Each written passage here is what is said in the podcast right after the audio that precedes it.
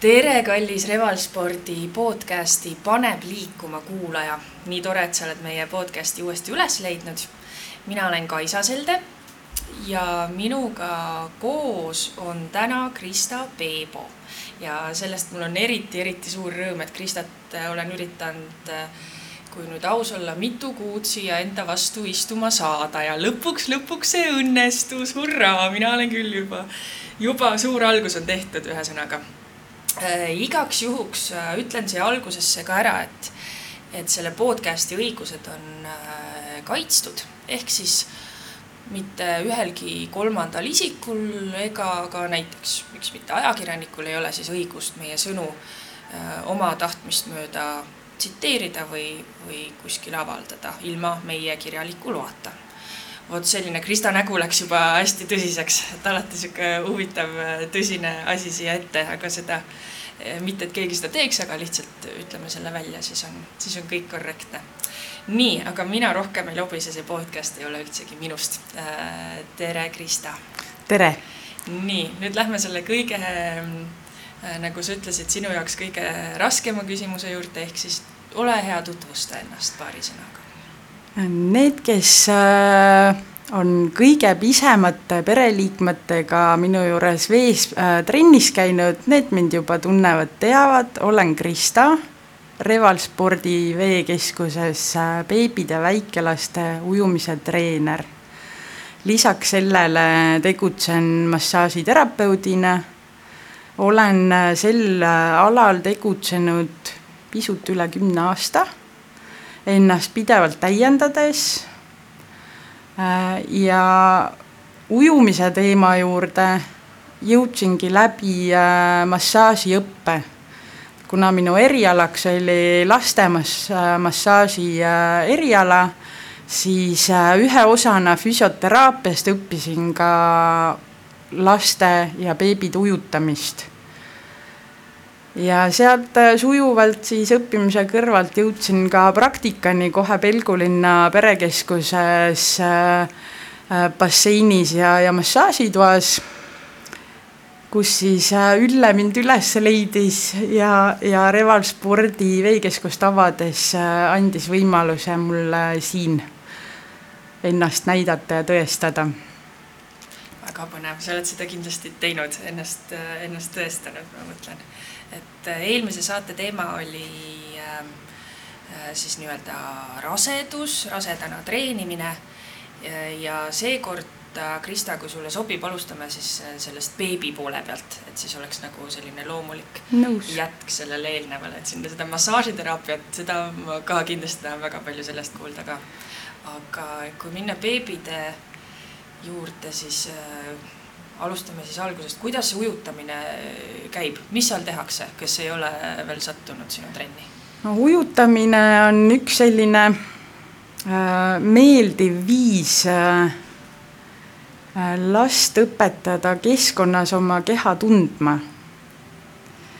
Aga võib-olla ma nagu tuleks kõigepealt tagasi sinna nagu raseduse juurde ja, ja selle sünnituse juurde, et äh, et ennem kui me hakkame vees treenima, siis lapse jaoks esmane treening on kohaneda väliskeskkonnaga. ehk et äh, ta õpib tasapisi hoidma oma pead. et tema areng äh, esimesel eluaastal on meeletult kiire. et kui äh, vastsündinud beebi oskab olla ainult selili, mm, ta ainult põhimõtteliselt sööb ja, ja magab siis äh, tema areng äh, toimub äh, seliliasendist kõhuli, kõhuli asendist juba siis käpuli, käpuli asendist istuma püsti ja sealt edasi juba kõndima, jooksma. et see on nagu kogu ka selle ujumistreeningu aluseks, on seesama beebi füüsiline areng esimesel eluaastal. et see on kindlasti see, mida nagu veetreeningutes ma arvestan et milline on äh, iga beebi füüsiline areng, kus maal ta on omadega. ja kindlasti arvestan ka sellega, mis on nagu vanemate ootused, lootused ja hirmud.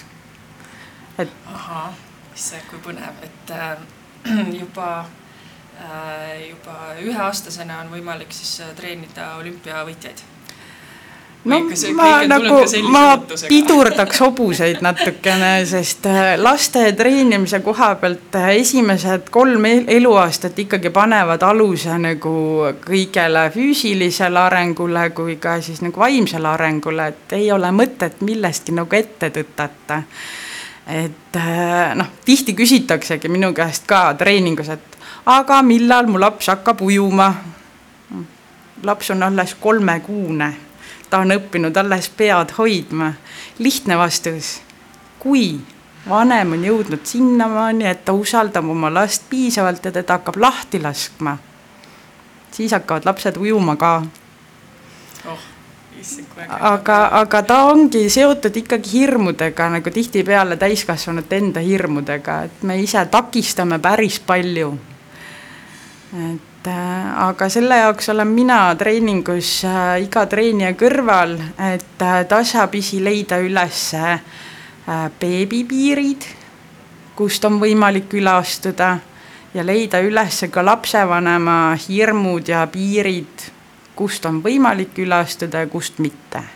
mis need kõige põhilisemad hirmud on? no põhiline on ikka see, et appi ta saab märjaks, appi tal läks suu vette appi, appi, ta ju joob äh, selle basseini tühjaks. Et äh, noh, sellised äh, nagu sellise loomuliku lapsevanema nagu reaktsioonide vastu käitumine, et me oleme harjunud oma last hoidma, kaitsma ja nüüd äkki äh, ma pean panema teda vee alla. et see nagu tundub mõistusevastane et see ei ole nagu ajule aktsepteeritav tegevus, aga noh, siit ongi vaja nagu tasapisi nagu liikuda, et ei ole esimeses tunnis kohe see, et me peame kõik sukelduma, me peame kõik kohe hakkama kõiki harjutusi tegema õigesti, sellist asja nagu õige liikumine vees, noh, kõik, mis ma teen vees, on okei. Okay et minu ülesanne on, on vees juhendada lapsevanemat nii, et beebi saaks oma arengu järgi kõik võimalused ära kasutada ja lapsevanem samas enda kehale liiga ei teeks. nii, ka lapse, ohohoo, asi läheb huvitavaks, et siis. sest ongi, et tihti tahame hoida last ja tõsta teda veest välja ja ei pane tähelegi, kuidas omal õlad ja turi läheb juba nii pingesse, et kui ma kümme treeningut niimoodi teen, siis mul on kangekaelsus selle järgi. või ma lõhun ära oma randmed, sest laps kasvab ja muutub raskemaks. et äh, kõiki võtteid ja liigutusi saab teha ka nii, et endal oleks mugav. aga endal on mugav, ma tunnen ennast hästi, siis tunneb minu laps ka ennast vees hästi. aga miks see üldse oluline on, see nii-öelda beebi jaoks, see beebide ujutamine? Beebi jaoks on ta üks loomulikumaid keskkondasid peale sündi, sest kui ta on üheksa kuud olnud niisuguses vesises keskkonnas, äh, siis äh, äh, paljusid liigutusi on võimalik lapsel teha ennem, kui ta kuival selleks on võimeline, just nimelt vees. näiteks roomamine et me saame edukalt kasutada ära vee toetust, kogu äh, vee füüsikalist omadust, äh, mis aitab äh, keha lükata ülesse, mis kannab, et noh, need teadmised ja enda kasuks tööle panna, et siis saame sujuvalt beebile anda võimaluse teha ka neid liigutusi, mis teda tulevikus ees ootavad. ja lihtsalt panna beebi keha tööle aktiivselt sest äh, kui muidu näiteks kolmekuune beebi, tema peamine ülesanne või oskus äh, ongi ähm, kõhuli asendis pea hoidmine otse, on tema nagu põhioskus. sealt edasi hakkab tulema selili asendist kõhuli keeramine, mis on juba äärmiselt keeruline ettevõtmine, sest pea on raske ja keha on lühike.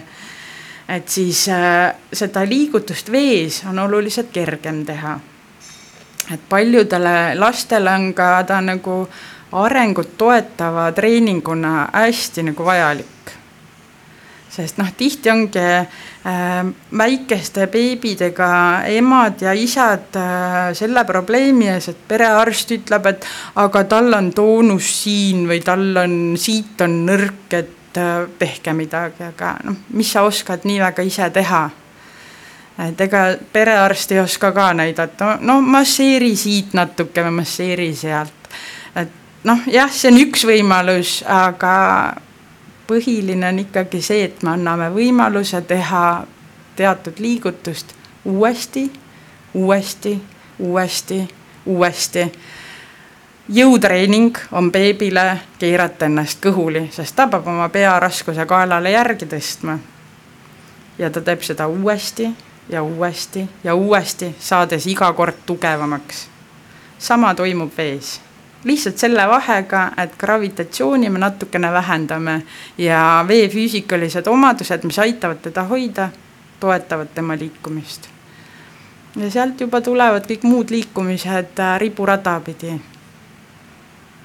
nii et äh, beebi, kes ei äh, käi ujumas, on siis võrreldes beebiga, kes käib, et ühesõnaga arenguvahe on, on silmaga nähtav? no seda ei saa päris nii üks-ühele nagu öelda sest äh, lapsed on erinevad, lapsevanemad on erinevad äh,. füüsilist arengut me saame kodus kuival ka põrandal toetada, et ei saa öelda, et ilmtingimata nagu vesi on see keskkond, kus nagu laps peaks nagu oma treeningut äh, siis läbi viima või kus me peaksime lapse arengut toetama, et äh, samamoodi me saame teha seda põrandal et noh, julgustan ka alati kõiki lapsevanemaid ka, kes on oma beebidega minu juurde jõudnud põrand on lapsele kõige turvalisem. mitte diivan, mitte voodi, mitte mähkimislaud, põrand, sest põrand on see, kus ta saab näiteks seesama kõhuli keeramine teha uuesti, uuesti, uuesti ja uuesti. lisaks see, et äh, ikka on vaja teha kodus ka ühte koma teist koma neljandat ja me ei saa kogu aeg vaadata ainult lapse peale. Siis ka turvalisuse kaalutlusel on põrand see koht, kuhu mina soovitan lapse panna. kõlab väga loogiliselt ja absoluutselt. Mm.. aga kuidas äh, üldse lapsi motiveerida ja, ja innustada liikuma, et see on väga tore, et juba põhimõtteliselt sünnist saati äh, pannakse kohe trenni ja no sest liikumine peabki olema meie loomulik elu osa üldiselt lastele ta ongi ja nii nagu ma noh, alguses äh, ütlesin, et on äh, lapse arengusse on juba see liikumine sisse kodeeritud. et äh, ta alustab jõutreeninguga, et hoida oma pead, vaikselt tuleb liikumist juurde äh,. järk-järgult ta muutub liikuvamaks äh,, kuni meil noh, sõna otseses mõttes on vaja lapsele järgi joosta. et äh, nad on liikuvad mida me tihtipeale täiskasvanutena teeme, me hakkame seda liikumist pidurdama. ära roni sinna, ära sinna jookse, ära seda puutu äh, mida tihti näiteks noh, mida ma tänavatel ja, ja kergliiklusteedel näiteks märkan. et noh, see öeldakse selle kohta, et see on see professionaalne kretinism. et märkan äh, kärudes olevaid väikelapsi ema jooksmas käruga. et noh, iseenesest on noh, pilt on ilus. Ema teeb sporti, hoolitseb enda väljanägemise, enda tervise ja, ja enesetunde eest, aga kui on lapsel juba jalg all, siis peaks see pilt olema vastupidi. Laps on käru taga, lükkab käru või käru kõrval, kükitab, vaatab lille, tõuseb püsti, läheb järgmise lille juurde, kükitab, vaatab, võtab rohulible, et see on nagu see liikumine, mida me tihti pidurdame. Või äh, lasteaeda viidavad lapsed. kui palju ma näen seda pilti, et laps on äh, kaenlas süles ja tormatakse lasteaia poole. aga võta see aeg kümme, viisteist minutit, vajadusel kakskümmend minutit, minge tipa-tappa. see on see aeg, kus sa saad anda lapsele võimaluse tutvuda tegelikult selle ümbritseva keskkonnaga. Ja, ja laps saab jätkata selle loomuliku liikumisega, mis on talle juba sisse kodeeritud. aga noh, me täiskasvanuna pidurdame selle ära ja sealt juba järgmine loogiline samm ongi see, et me sõidutame selle lapse autoga kooli ukse ette, veel parem, kui saaks ta uksest sisse viia ja, ja trenni, et meil noh, ongi see kultuur, et meil lapsed mm, käivad trennis. et nende liikumine on trennis käimine. Aga see, kuidas ta trenni saab, noh, see on juba vähestel juhtudel see, et nad tõesti ka ise lähevad trenni et aga, aga peaks ikkagi olema nii, et võimalikult palju see laps liigub ise kõige normaalsem ja loomumasem liikumine inimesel on kõndimine. ja kui me seda nagu lapsele ei võimalda, siis mingil hetkel tal noh, see harjumus kaob ära. Ta ei taha enam kõndida, siis on juba kehalise kasvatuse tund, on paras piin. koolikotti ei jaksa nad vedada, sest keha ei äh, ole harjunud raskusi tõstma et noh, tihti ongi ka see, et need lapsed, kes ka jala näiteks kooli käivad, teda saadab täiskasvanu, kes, kannab tema seljakotti. noh, ja laste koolikotid on rasked, aga kui laps hakkab seda koormust kandma vähehaaval, et esimeses klassis on see kott vähe kergem, muidugi tuleb lapsevanemal üle vaadata, et, et sinna kotti ei jää ebavajalikke asju, sest tihti ongi probleem selles, et koolikotis on kõik asjad kaasas, et ka need asjad, mida vaja pole. Ja see ongi kott raske. aga kui laps saab niimoodi järk-järgult ise, tema keha saab äh, selle raskusega kohaneda, siis tegelikult äh, tema äh, kere tüvelihased saavad nii palju tugevaks, et sellel lapsel tõenäosusega on vähem seljavalusid kui sellel lapsel, kes oma kotti kunagi ei ole kandnud et noh, see on see, mida meie täiskasvanuna oma suure armastusega oma laste vastu tegelikult nagu ära rikume, et me tahame liiga palju neid hoida, kaitsta, nende eest ära teha.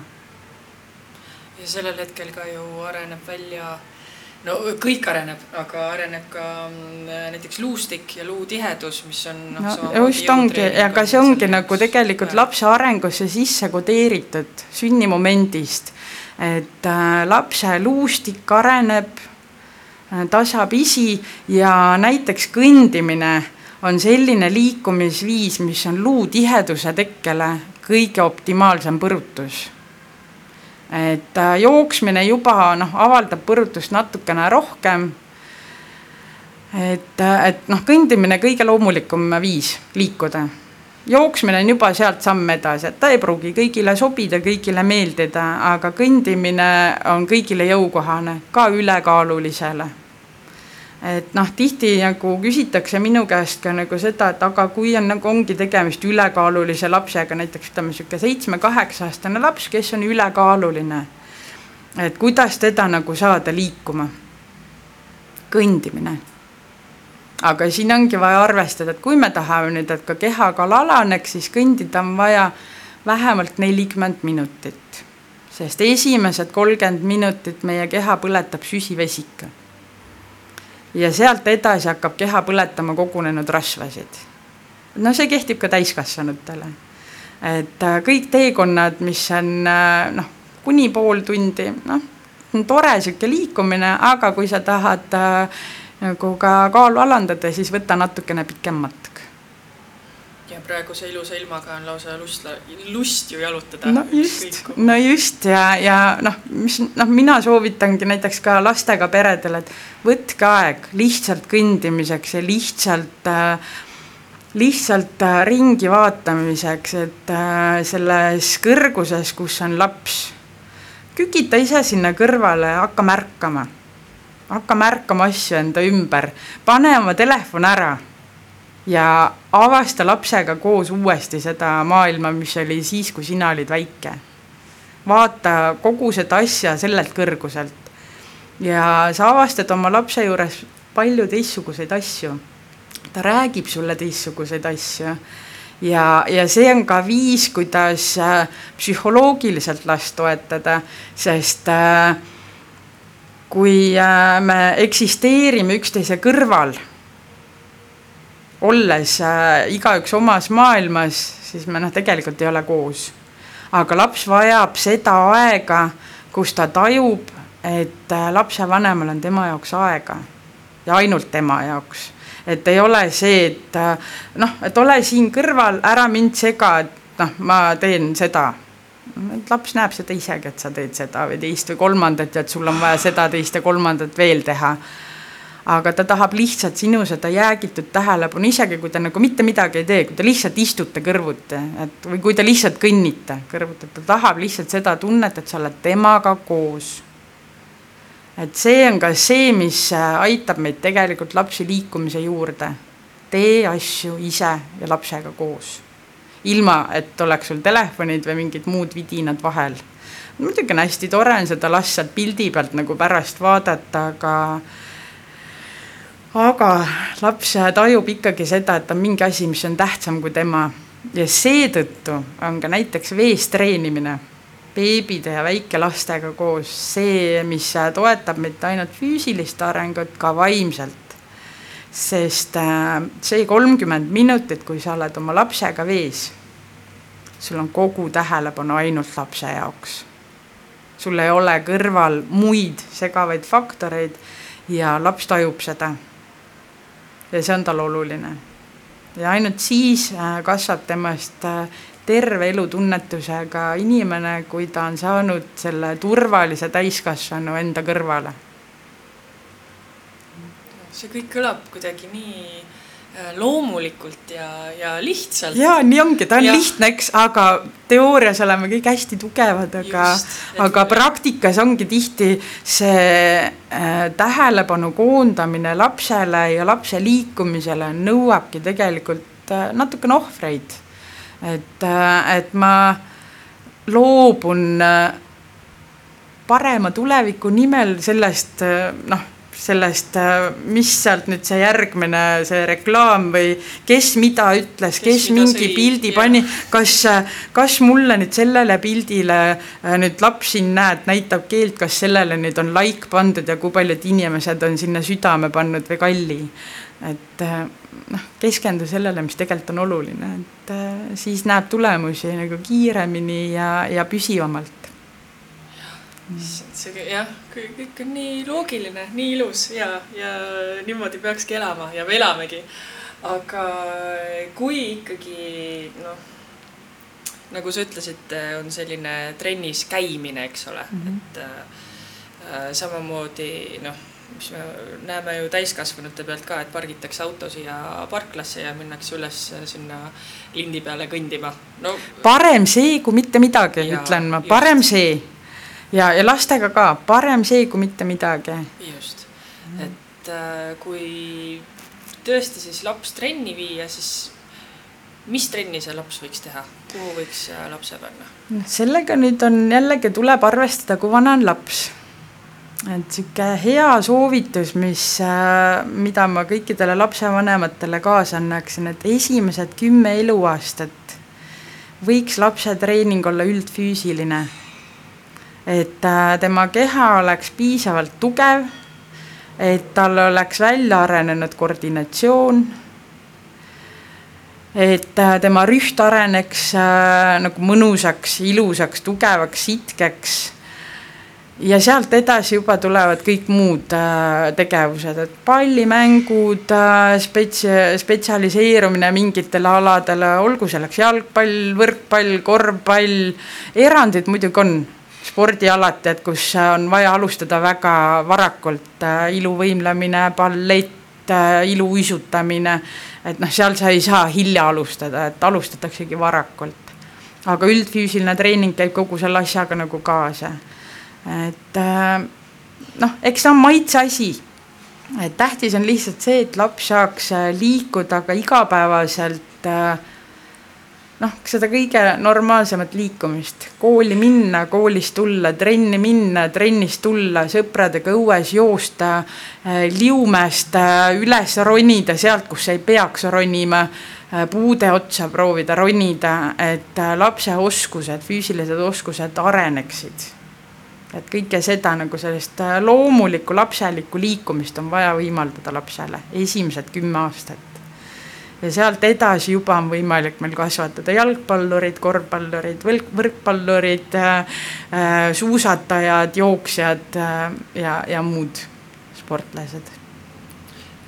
jah, seda tahtsingi nüüd järgmiseks küsida, täpselt loed mu mõtteid, et kui tõesti mulle lapsevanemana jah, ma ei teagi, iluuisutamine nii meeldib, on ju, et siis äh, sellega tõesti peaks päris varakult alustama, eks ole, et muidu. sellega alustatakse üsna varakult, et kolme-nelja-aastased on juba jääl.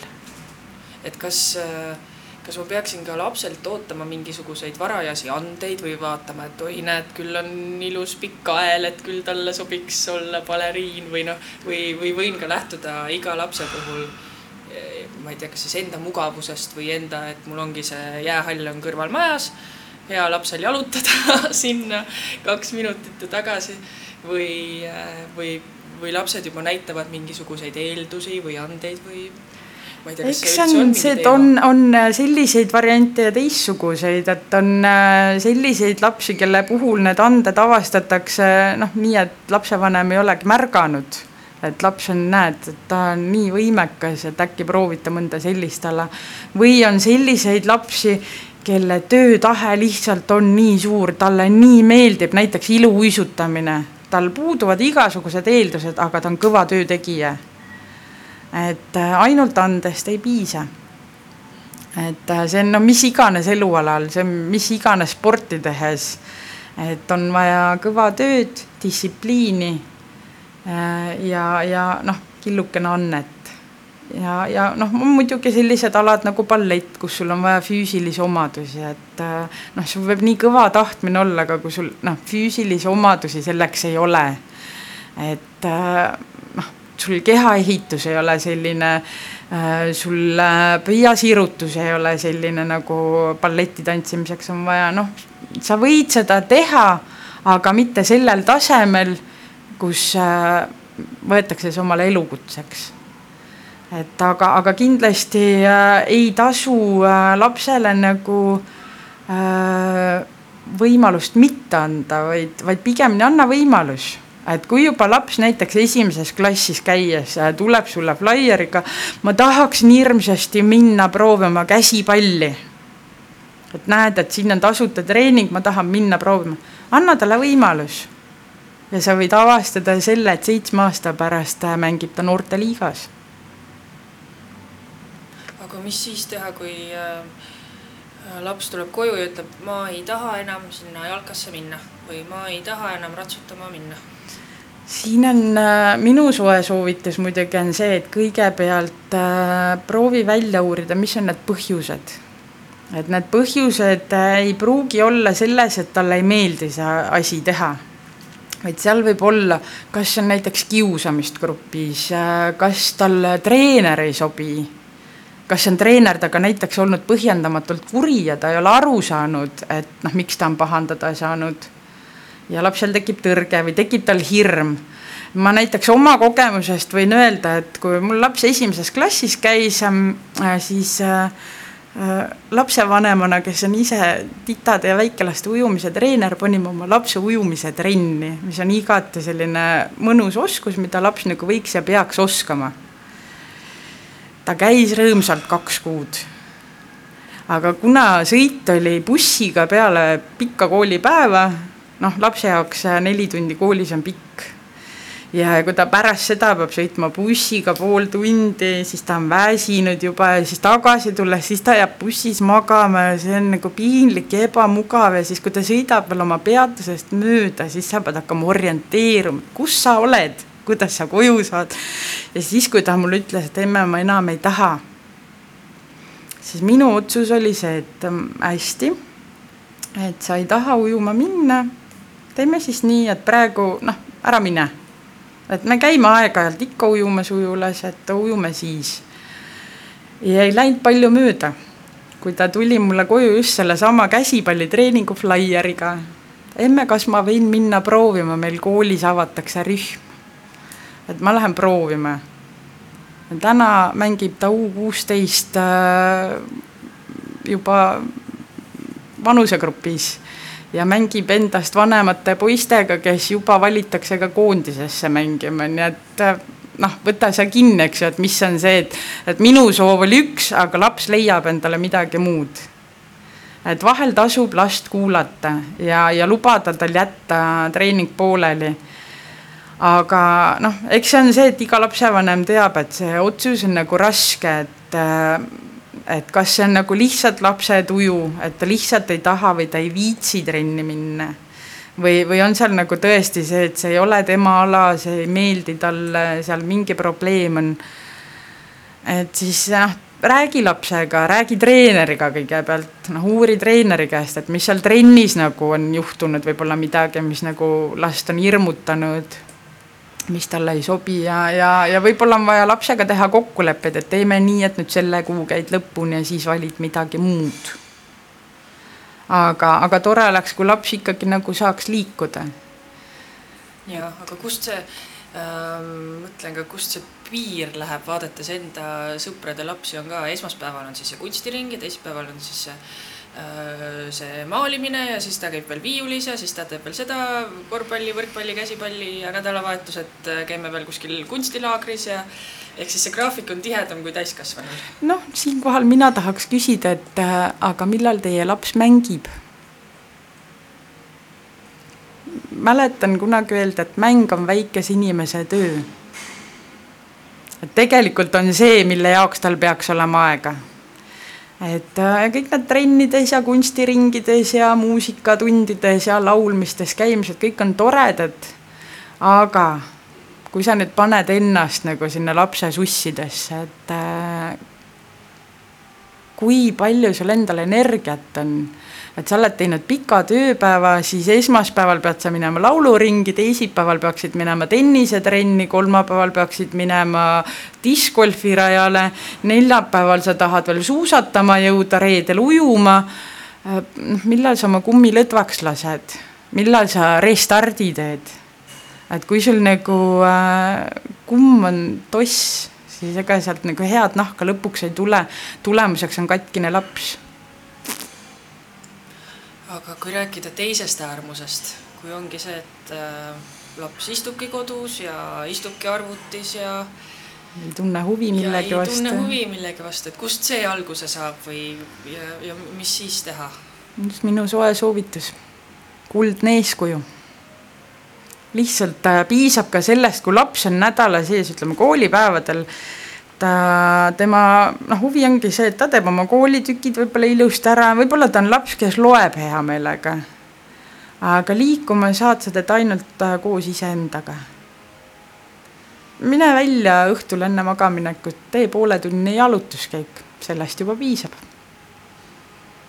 et anna talle lihtsalt võimalus et äh, noh, siin ongi see, et lapse tervise puhul ongi neid nüansse nii palju, et võtame siia juurde silmade tervis, et noh, praegu ongi ka igal pool on kampaania äh, kaks, kakskümmend, kakskümmend ehk et äh, kaks tundi väljas värske õhu käes liikumist, kahekümne minuti järel peale lähitööd on vaja vaadata kakskümmend sekundit kaugusesse et äh, juba seda nagu reeglit arvesse võttes, kas me leiame iga päev kaks tundi, et õues viibida. laps üksinda ei lähe. et tal on vaja kedagi, kellega koos see aeg seal väljas äh, olla ja midagi teha ma ei tea, tõukerattaga sõid, ma mõtlen nagu päris tõukerattaga, et mitte sellega, millega siin kihutatakse niimoodi, ma ei tea, sada kilomeetrit tunnis, aga noh, päriselt nagu liikuda punktist A punkti B või kuskil spordiväljakul äh, proovida trikke teha või äh, või, või kõndidagi lihtsalt näiteks äh, kahe kilomeetri kaugusel asuvasse kohvikusse või, või poodi või, äh, või võtta eesmärk äh, kõndida sõbranna juurde, midagi ära viia ja sealt tagasi kõndida.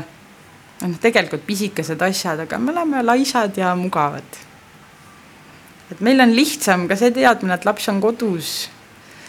et, et noh, siin ka on nagu võivad olla vanemate enda nagu hirmud ka, et noh, ei juletagi last lubadagi võib-olla kuskile, noh, skatepark kõlab hirmsalt. et äh, mõtled sa, kui palju traumasid seal saab, aga noh, kui mõelda, kui palju traumasid lapsed tegelikult kodus saavad, et siis on väljas liikumine igati turvaline. jällegi nii lihtsad tõed, jah. aga nii et sa ütled, et, et toimib kui on äh, eeskuju lapsed, töötab alati, sest äh, noh, eeskuju peab algama mitte nüüd see, sellest momendist, kui laps on saanud kaheksa, et siis me oleme juba totaalselt hiljaks jäänud. et eeskuju peabki hakkama sealt, kus ta on aastane ja hakkab kõndima. et kui me seal selle perioodil nagu selle eeskuju näitamise maha magame, siis noh, järgi võib võtta, aga väga raskelt kui sa ikka võtad selliselt äh, kaheteistaastaselt tema nutiseadme käest ära, siis see läheb sõjaks. ta on nagu halvatud natukene ja yeah. et tema, see on tema maailm. noh, ma ei ütleks, et nagu seda peaks nagu piirama nagu sada protsenti, et me üldse nagu ei luba ja see ongi üdini halb. aga sellele tuleb pakkuda alternatiivi kõrvale. aga, aga üldiselt ja tark lapsevanem, kes on juba maast madalast oma last kasvatanud liikuva eeskujuga siis äh, neid probleeme esineb vähem. et äh, probleem on ikkagi seal, kus see liikumine on pidurdatud juba väiksest peale. vaatasin enne siia tulekut natuke internetis ringi ja, ja ka internet kinnitab, nii ka tänavapilt, et ka hästi palju ülekaalulisi lapsi on kuidagi ja see trend kasvab ja kasvab ja kasvab ja täiesti ulmelise kiirusega mm. -hmm. et äh, kui ka vaadata näiteks siis seda lapse toidulauda, siis mis seal kindlasti peaks olema ja mis seal võib-olla nii tihti ei peaks olema mm? -hmm. no eks see lapse toidulaud äh, noh, hakkabki ju pihta esimesest elupäevast. et esimesel eluaastal pannakse lapse toitumusharjumustele põhi alla. Et äh, noh, loomulik viis last toita esimesel eluaastal on teda toites rinnaga. et see on tema selline looduse poolt talle määratud ja mõeldud toit, mis on täpselt sellise koostisega, nagu on selle lapse arenguks tarvis. et laps süües rinda ise reguleerib, kui suur on selle piima rasvasisaldus, kui suur on seal süsivesikute osakaal, kui palju selles toidus on jooki, kui palju selles on põhitoitu ja kui palju on magustoitu. et seda laps reguleerib ise. et nüüd äh, probleemid hakkavad tekkima meil tavaliselt siis, kui me hakkame andma lisatoitu. et kui me nüüd äh, pöörame tähelepanu selle sõna kõlale, lisatoit, siis äh, sel äh, momendil, kui laps hakkab lisa saama, siis äh, kiputakse sellega üle pingutama.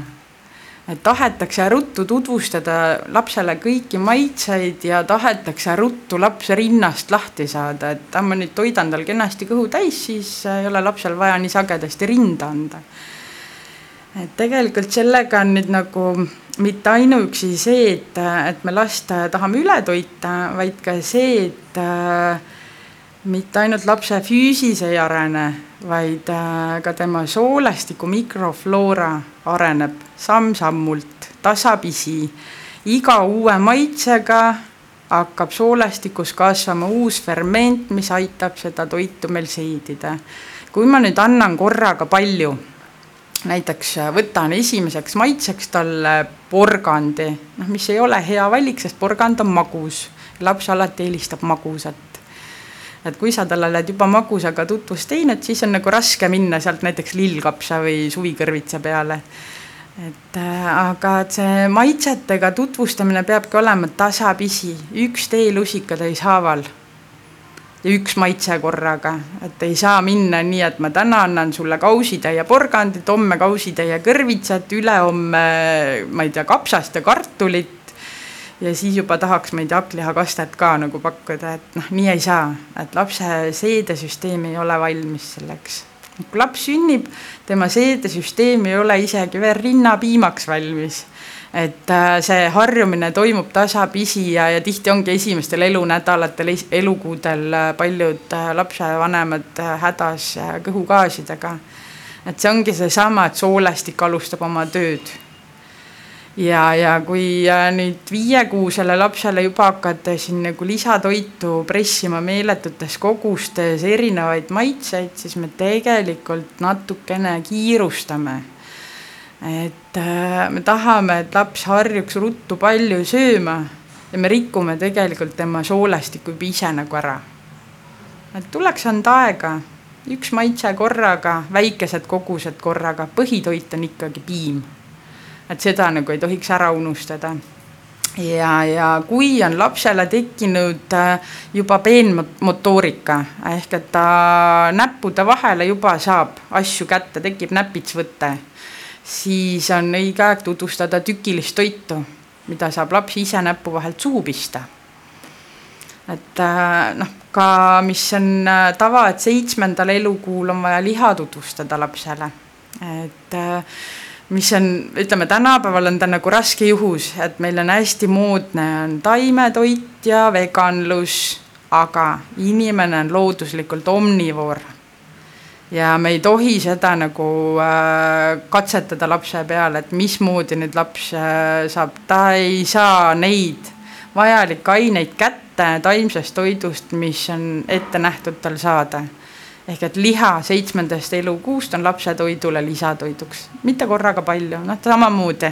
Nii nagu juurviljade tutvustamine, puuviljade tutvustamine, väiksed kogused korraga. Ja, ja tükiline toit teatud vanuses on oluline, et laps õpiks neelama tükilist toitu, et kui me teeme toidu liiga püreeks, siis on, tekivad probleemid kohe seedimises. et äh, et eks ta on nagu selline peenem teadus, et äh, kuhu tegelikult noh, mida ma tihti olen mõelnud, et miks seda nagu meile ei õpetata kuskil nagu varem, et miks ma pean selleks kõigepealt oma lapse suureks kasvatama ja siis seda nagu kuskilt nagu teada saama, et aa, et seedesüsteem hakkab tööle nii, miks seda meil koolis ei õpetata?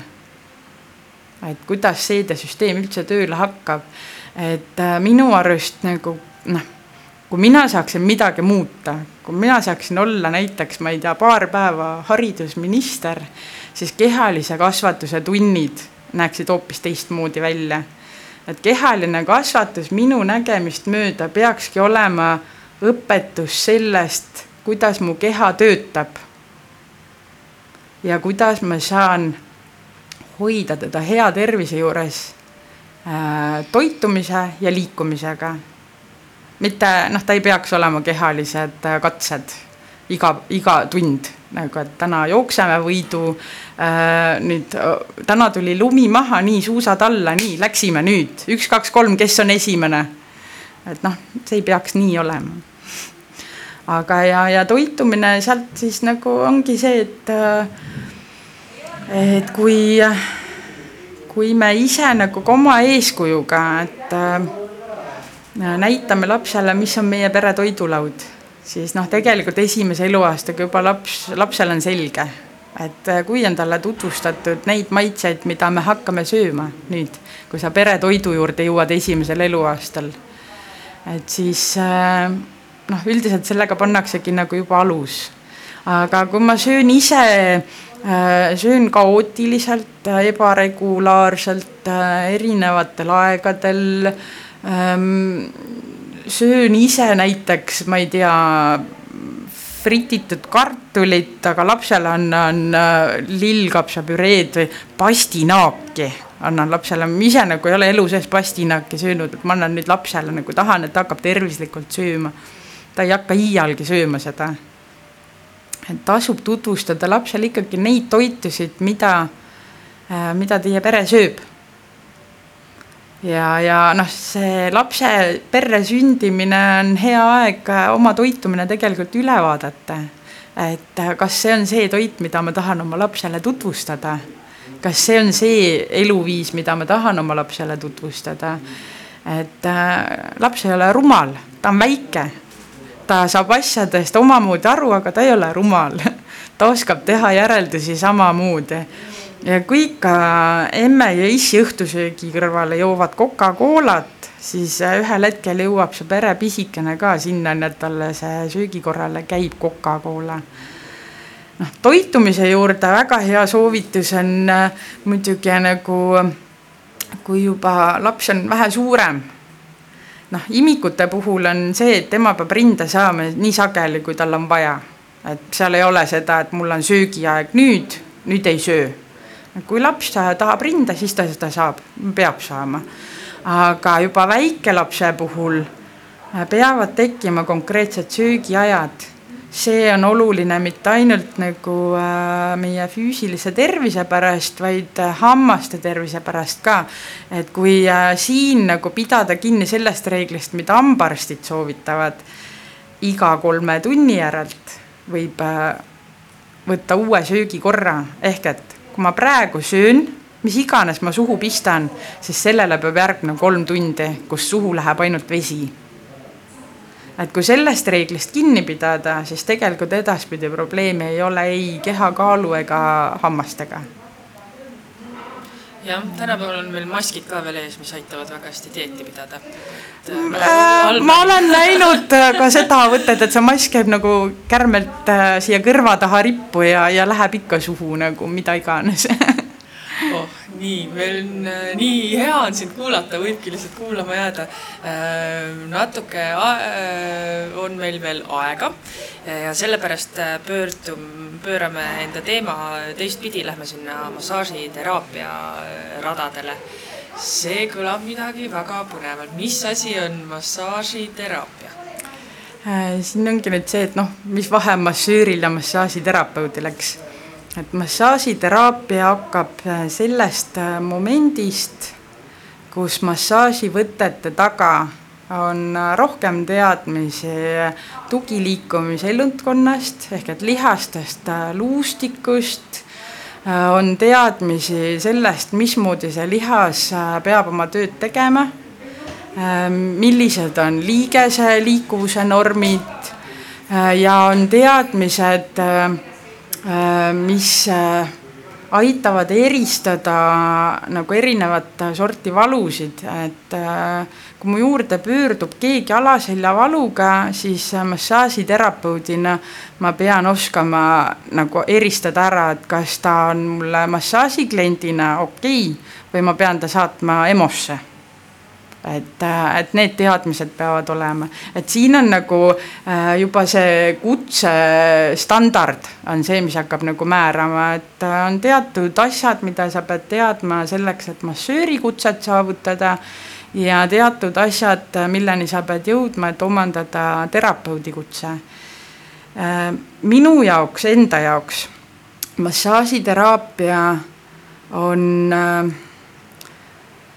mitte niivõrd ainult massaaž kui selline, ta on selline passiivne protseduur, mis äh, aitab väga paljude äh, probleemide leevendamisele kaasa. aga teraapia algab sealt, kus tekib koostöö. tekib koostöö massaaži saaja ja massaaži pakkuja vahel ja sinna liidetakse liikumine oh kui põnev. Ehk et ongi see, et kui mu juurde pöördub inimene probleemiga, et tal on näiteks kukekannus, tead, mis on kukekannus? et see on selline haige koht kannas, mis ei luba sul astuda, aga see tekib äh, lihaspingest alla all.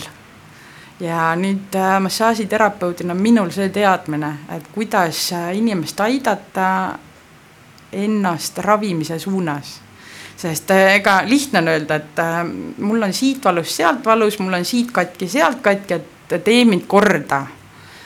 aga korda saab iga inimene ikkagi ennast ise teha, et kui sa oled valmis hakkama võimlema, äh, tegema sulle ette antud harjutusi, siis on paranemine nagu oluliselt lihtsam et noh, siin ongi see erinevus nagu massaaži ja massaažiteraapia vahel, et tihtipeale massaaži saaja peab ikkagi ka hakkama ise vaeva nägema.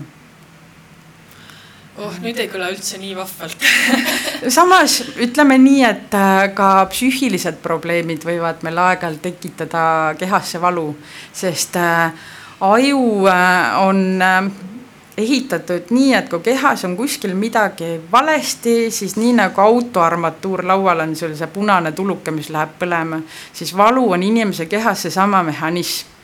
et kui mul hakkab kuskilt nagu valutama, see on märk sellest, et oh, stopp, stopp, siin on probleem, sellega on vaja tegeleda.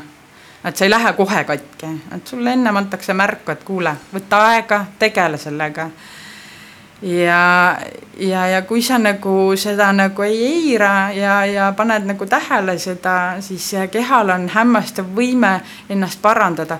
aga kui on tegemist näiteks ütleme vaimse probleemiga, siis samamoodi mul võib avalduda see valuna sest äh, aju ei saa aru, et kas on äh, see probleem, mis nagu kehasse tekib, kas ta on tulnud nagu füüsilisest äh, probleemist või on see tekkinud sellest, et mul on näiteks pikemat aega stress. siis äh, stressi leevendamiseks näiteks massaaž on ideaalne lahend. et korra natukene panna vähe teised tuurid endale sisse, et kui sa ikkagi oled nagu kumm tühi, siis äh, tasub minna ja ennast täita. kas äh, massaaž üleüldiselt peaks olema selline asi, mis, mida sa teed eluaeg regulaarselt või tähendab, ütleme, mida sa siis, kuidas ma ütlen, kui ma tulen sinu juurde massaaži saama. Mm -hmm.. jah, ühesõnaga, et ma peaksin massaažis käima kui tihti? see on individuaalne, et ta ongi see, et kui mul juba valutab kuskilt, siis noh, esmaabi on kindlasti see, et noh, hakka liigutama ennast, hakka võimlema, otsi põhjus, miks sul valutab massaažist on abi äh, siis, kui on probleem äh, näiteks lihaspinges, et lihaspinge tekib ja sellele järgneb valu. noh, massaažiga saab leevendada lihaspinget või saab leevendada vaimseid pingeid, mis sulle seda lihaspinget tekitavad.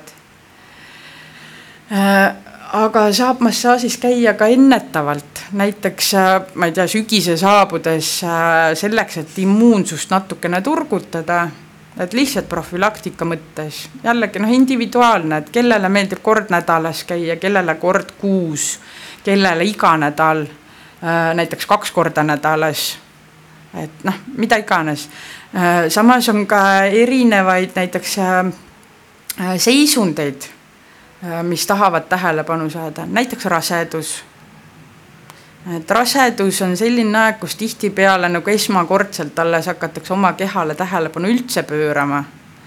hakatakse pöörama tähelepanu trenni tegemisele, äh, keha muutub pidevalt, et jälle keha raskus kandub teise kohta, jälle tekivad seljavalud. noh, siin on jällegi massaaž õige koha peal samas näiteks äh, beebide, väikelaste ja rasedate massaaž on täiesti ise nagu, et ta on segu massaažist ja võimlemisest.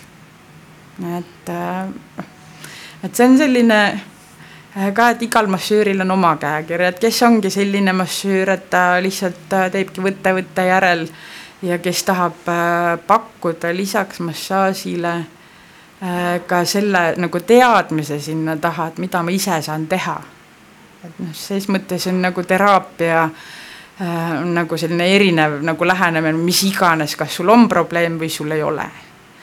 et vahel nagu noh, mu käest küsitakse, et kas sa ise käid ka massaažis. käin küll. et mitte selleks, et mul midagi viga on, aga aru saada, et kus on need kohad, kuhu tasub mul tähelepanu pöörata, sest äh, valuga on nii, et vahel ta võib olla selline aktiivne, et ma tunnen, et oi, mul on siin nagu kael on kange ja valus. aga vahel on see valu selline, mida ma tajun siis, kui keegi muljub või vajutab või, või proovib keerata, et äh, et siis on, tuleb see teadmine, et ahah, siin on nagu probleem, mul on vaja sellega tegeleda et väga põnev. Ja see massaažiteraapia, ma pole kahjuks kunagi käinud, aga ma kindlasti tulen, et see on oled, oled oodatud. Äh, kas võib ka olla sellist asja, et on liiga palju massaaže, et ma nüüd käingi kaks korda nädalas aasta aega või, või sellist asja ei eksisteeri? no üldiselt on hea tava, et kui sa oled äh, käinud mingi aeg niimoodi teatud regulaarsusega, siis äh, selleks, et keha nagu ise ka nagu äh, iseendaga hakkama saaks, siis noh, sellised väiksed pausid aeg-ajalt sisse jätta on nagu päris okei okay. et äh, keha harjub väga kergesti ära selliste passiivsete hellitustega, et on mõnus on, hästi mõnus on ja ma nagu ise nagu pingutan selle võrra nagu vähem ja panen oma keha võib-olla vähem tähele. et aeg-ajalt tasub anda noh, kuu aega, kaks kuud pausi vahele proovida lihtsalt ise, ma ei tea, trenni teha, erinevaid liikumisi harrastada ja, ja noh, jälgida, et mis su keha siis teeb. et, et aga noh, jällegi individuaalne, et kuidas kellelegi et, et siin nagu selliseid ühtseid reegleid ei ole, no mõne inimese puhul tal on lihtsalt elukutse on selline, et tal ongi kogu aeg pidevalt vaja äh, sellist nagu füüsilist kõrvalabi, et üldse nagu keha lõdvestama saada, et äh, et siis on ta igati teretulnud näiteks iganädalaselt, et noh, ei ole sellist nagu ühte kuldset reeglit, et mida mööda käia. Et äh, siin nii nagu treeningute ja liikumise puhul ongi hästi tähtis see, et igaüks leiab nagu enda selle nõksu. Et leiad oma äh, massaažiliigi, mis sulle meeldib, leiad oma treeningu, mis sulle meeldib. Või sulle noh, trennis ei meeldi käia, aga mulle meeldib jalutada pikalt, no mis iganes. Nii, väga põnev, mis äh, massaažiliike siis olemas on? oh, see maailm on, see maailm on võrratult kirju, nii nagu on treeningmaailm, eks ole, et kas sulle meeldib sumba või sulle meeldib, ma ei tea, äh, jõusaalis käia kangi tõstmas või sulle meeldib jooksmas käia või sulle meeldib lihtsalt kõndida pikalt et siin on täpselt samamoodi, et valikuid on seinast seina, kas et sulle meeldib, no ütleme nii, et meie nagu siin äh, kultuuriruumis kõige tavaline klassikaline massaaž, noh, see tavaline, et sa võtad riidest lahti ja sind äh, kergelt äh, õliga määritakse ja liigutatakse su lihaseid ja mutitakse, vajutatakse. aga on väga palju häid idamaiseid massaažiliike ka, tai-massaaž näiteks, Jaapani shiatsu, ka selline punktmassaaž, hiinlaste tuina Äh, siis on äh, igasuguseid äh, liblikmassaaž, mis on selline hästi kerge ja õrn, sobib nagu beebidele ja, ja võib-olla psüühiliste häiretega inimestel. vibroakustiline massaaž näiteks kõlab eksootiliselt, mõnusalt ja siis noh, mida iganes, häälemassaaž näiteks et mida nagu ka, äh, ma ei tea, palju seda Eestis äh, praktiseeritakse, aga ongi nagu sarnane nagu häälejoogale, et ongi, et sa oma häälega ise oma siseelundkonnad äh, masseerid. kõhumassaaž, jalamassaaž, peamassaaž, turjamassaaž et noh, tegelikult on maailm suur ja lai, et kui sa nagu võtad lahti Google selle doktori ja hakkad otsima sealt, et noh, et mis massaaž, et siis sul tegelikult avaneb Äh, lai maailm. et äh, lihtsalt äh, tuleb proovida seda, mis tundub sulle nagu, mis sind kõnetab. ja, ja kui sa juba oled kuskile sattunud, siis näiteks massöör, kes su keha tunneb, siis tema oskab sulle ka soovitada, et kuule, et äkki proovime täna seda. et mis sa arvad, et see massaažis käimine noh, mina võrdsustan teda natukene nagu juuksuris või hambaarstil käiguga, et, et äh, sul on ikkagi turvalisem, kui sa tead, et see inimene, kes sinuga toimetab, et ta tunneb sind, ta teab, mis ta on sulle varem teinud, ta teab, kuidas su keha reageerib, ta oskab sulle pakkuda uusi asju. et ähm, aga maitseid on mitmeid, mõnele meeldibki see, et ma käin täna siin, homme seal et äh, ja, ja mõnele ei meeldi massaaž üldse. et äh, noh, siis. võib-olla ta pole lihtsalt õiget massööri kohanud veel mis iganes, et elus võib olla ka igasuguseid näiteks probleeme olnud, mis äh, tekitavad vaimse tõrke selles suhtes, et võõras inimene sind puudutab, et et äh, küll jaa, nendest tõrgetest ja barjääridest on võimalik nagu üle minna, aga see ei käi nagu nipsust, et see tahab aega saada, et võib-olla mitte kümme korda, võib-olla sada korda et noh, kõik on võimalik jällegi omamoodi teraapia, et kuidas nagu inimesele läheneda nii, et ta oleks nõus laskma ennast puudutada. noh, siin me jõuame jälle laste juurde tagasi, et äh, armsad vanemad, pakkuge oma lastele kodus massaaže.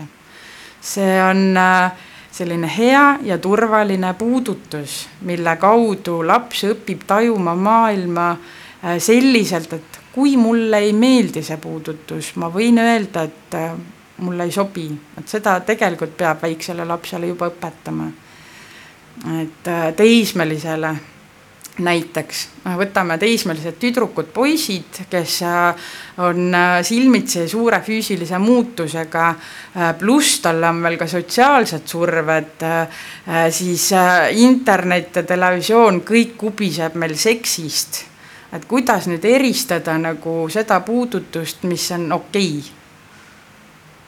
Et see tegelikult algab maast madalast, kui laps on beebi et kui anda lapsele võimalus kogeda head turvalist puudutust ja võimalust, noh, väike laps juba suudab öelda, et mulle ei meeldi, ma ei taha.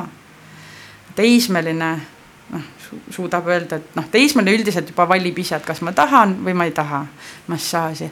aga väiksemate laste puhul noh, tulebki õpetada nendele seda, et äh, kuidas öelda, et mulle ei meeldi ja kuidas puudutada kedagi teist nii, et kui ta ütleb, et mulle ei meeldi, et see on üks võimalus vähendada vägivalla kasvamist.